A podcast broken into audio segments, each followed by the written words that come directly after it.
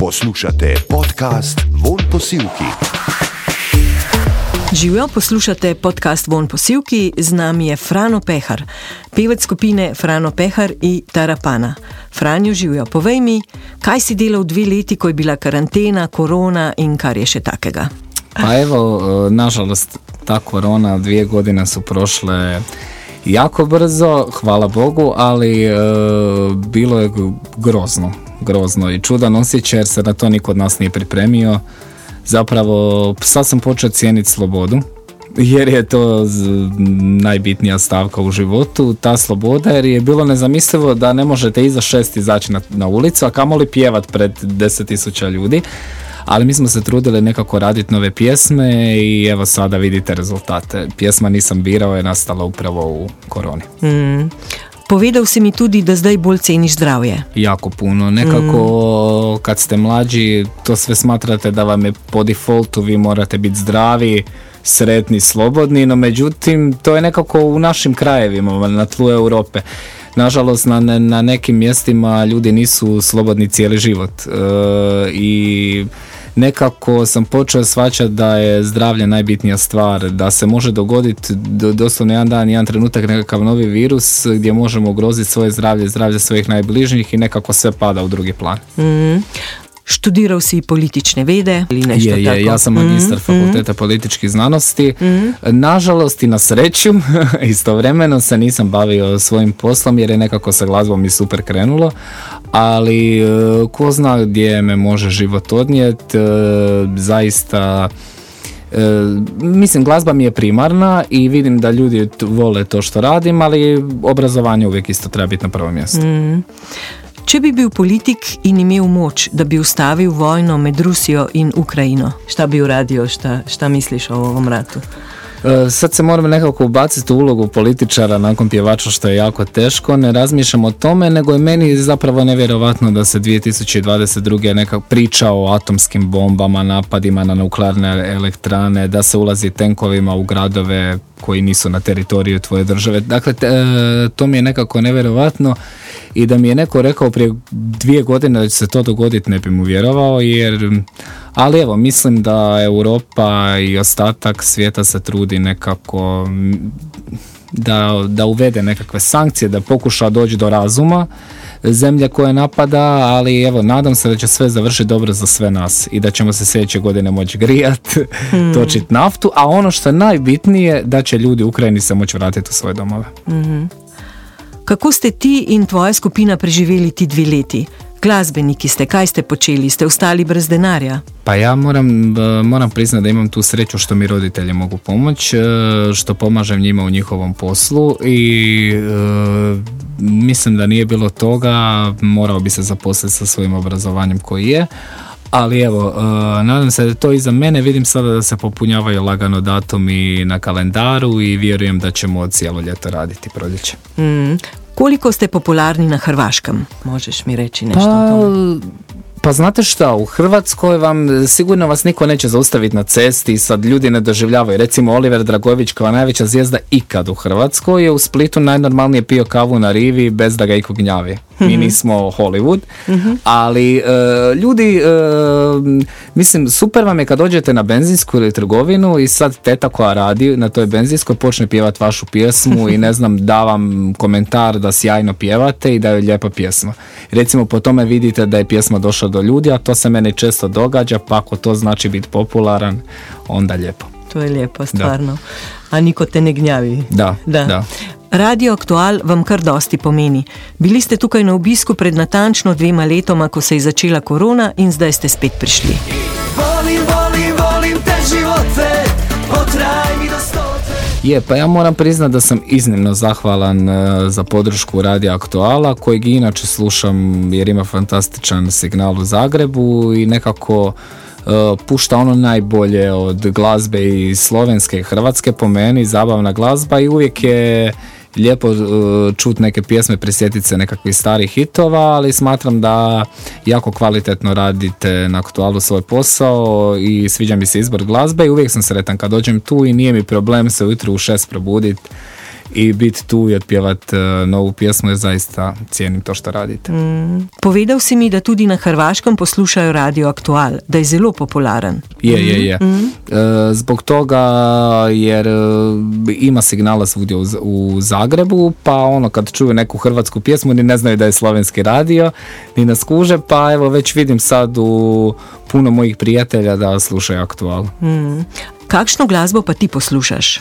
Kad... Pa ja volim svu vrstu. Ja, ja se nikad u životu nisam opredijelio ni za jednu vrstu glazbe jer ono na svom dizeru imam i od Eminema do Mineje, do Dražena Zečića, Olivera pa do uh, Gansa, on, sve, slu, volim dobru glazbu, evo. Mm. Kar širok izbor, priznam. Kakšni so vaši načrti? Pa recimo, naš je plan sada, osim promocije ovog novog singla nisam birao, plan je i radimo novu pjesmu za nadolazeći CMC festival u Vodicama. Pjesma je izvrsna.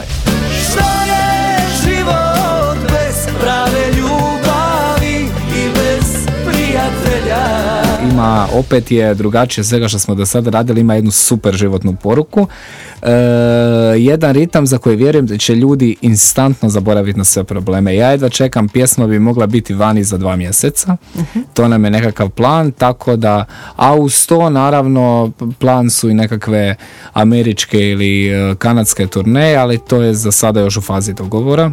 Ali vjerujem da ćemo se vidjeti u Sloveniji uh ovo ljeto. uh Torej vam tudi drugi autori pišejo glasbo? Pjesme. Je, znači je. drugi pišu...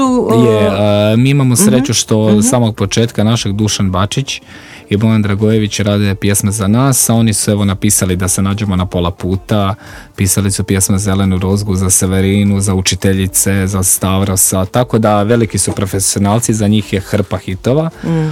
Tako da što se tiče pjesama zaista nekako ne radimo na način da oni nama pošalje da kažu vi sad morate to pjevat, nego zajednički radimo, recimo ja idem kod Dušana Bačića doma, pa sad isprobavamo nekakve melodije, nakon toga dođe tekst i smatram evo da do sada nismo pogriješili i nadam se da nećemo ni buduće.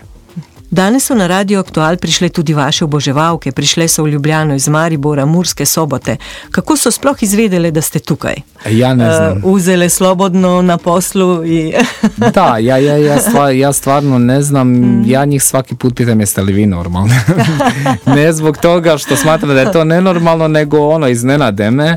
Donesu mi svaki put poklon i sve i ja sad hoću svaki put njima donijeti poklon, ali ne znam. Ja nisam očekivao da će one biti na aktualu jer mi nije bilo shvatljivo, ali evo, mm. iznimno sam sretan vidjeti ih u bilo kojem kutu Hrvatske e, kad dođu zbog nas i ne znam, čak kažem ono uvijek i savjetujem da se dobro voze, lijepo da paze na uvjete na cesti jer dođu, došle su za Petrinju za naš novogodišnji nastup i otišli su naravno iza ponoći, sve je bilo puno magle, ali evo, to je nekako meni motivacija da budem što bolji i da radimo što bolje pjesme jer evo kad imate ljude koji vas toliko vole i kojima nije problem doći zbog vas voziti se 3-4 sata mm. to je nekako mm. jer je to i bit glazbenika po meni ne nužno samo slikat se i snimat spotove nego uh, uveseljavati ljude pa neke i rastužiti, pa neki da se zaljube, neki da se rastanu, da imaju djevojačke ili momačke ili bilo šta, ali nekako prenijeti emocije, to je bit. Mm. Z vami so si želele te oboževalke priti tudi na Švedsko, kjer naj bi imeli koncert, a je potem zaradi korone odpadal. To so mi, to so mi danas rekle, ali iskreno ne bi se začudio. Ali evo, drago mi je, cure e, vode i naš fan klub u Sloveniji, one rade sve to same od sebe, mm. e, zbog toga što im se sviđa naša glazba. Tako da ono pre presretan sam. Mm. Kako pa in koliko izkoriščate socialne medije? Pa umjereno, umjereno. Mm. Imamo mm. Instagram i Facebook, trudimo se objaviti nekakve zanimljivosti. Objavili smo jutro da smo na Radio Aktualu. E, objavljujemo nove datume koncerata, novi materijal, tako da mislim da se bez tih društvenih mreža ne može. Mm. Na način ja jako puno volim preko njih komunicirati i odgovaram na inbox e, našim obožavateljima ljudima koji vole našu glazbu i ne znam, nekako dobijemo od njih isto informacije što je dobra stvar. Mm. Kako im se nešto sviđa, šta im se ne sviđa i to. Poslušate podcast Von Posilki. Nisem te vprašala na začetku, pa bom zdaj.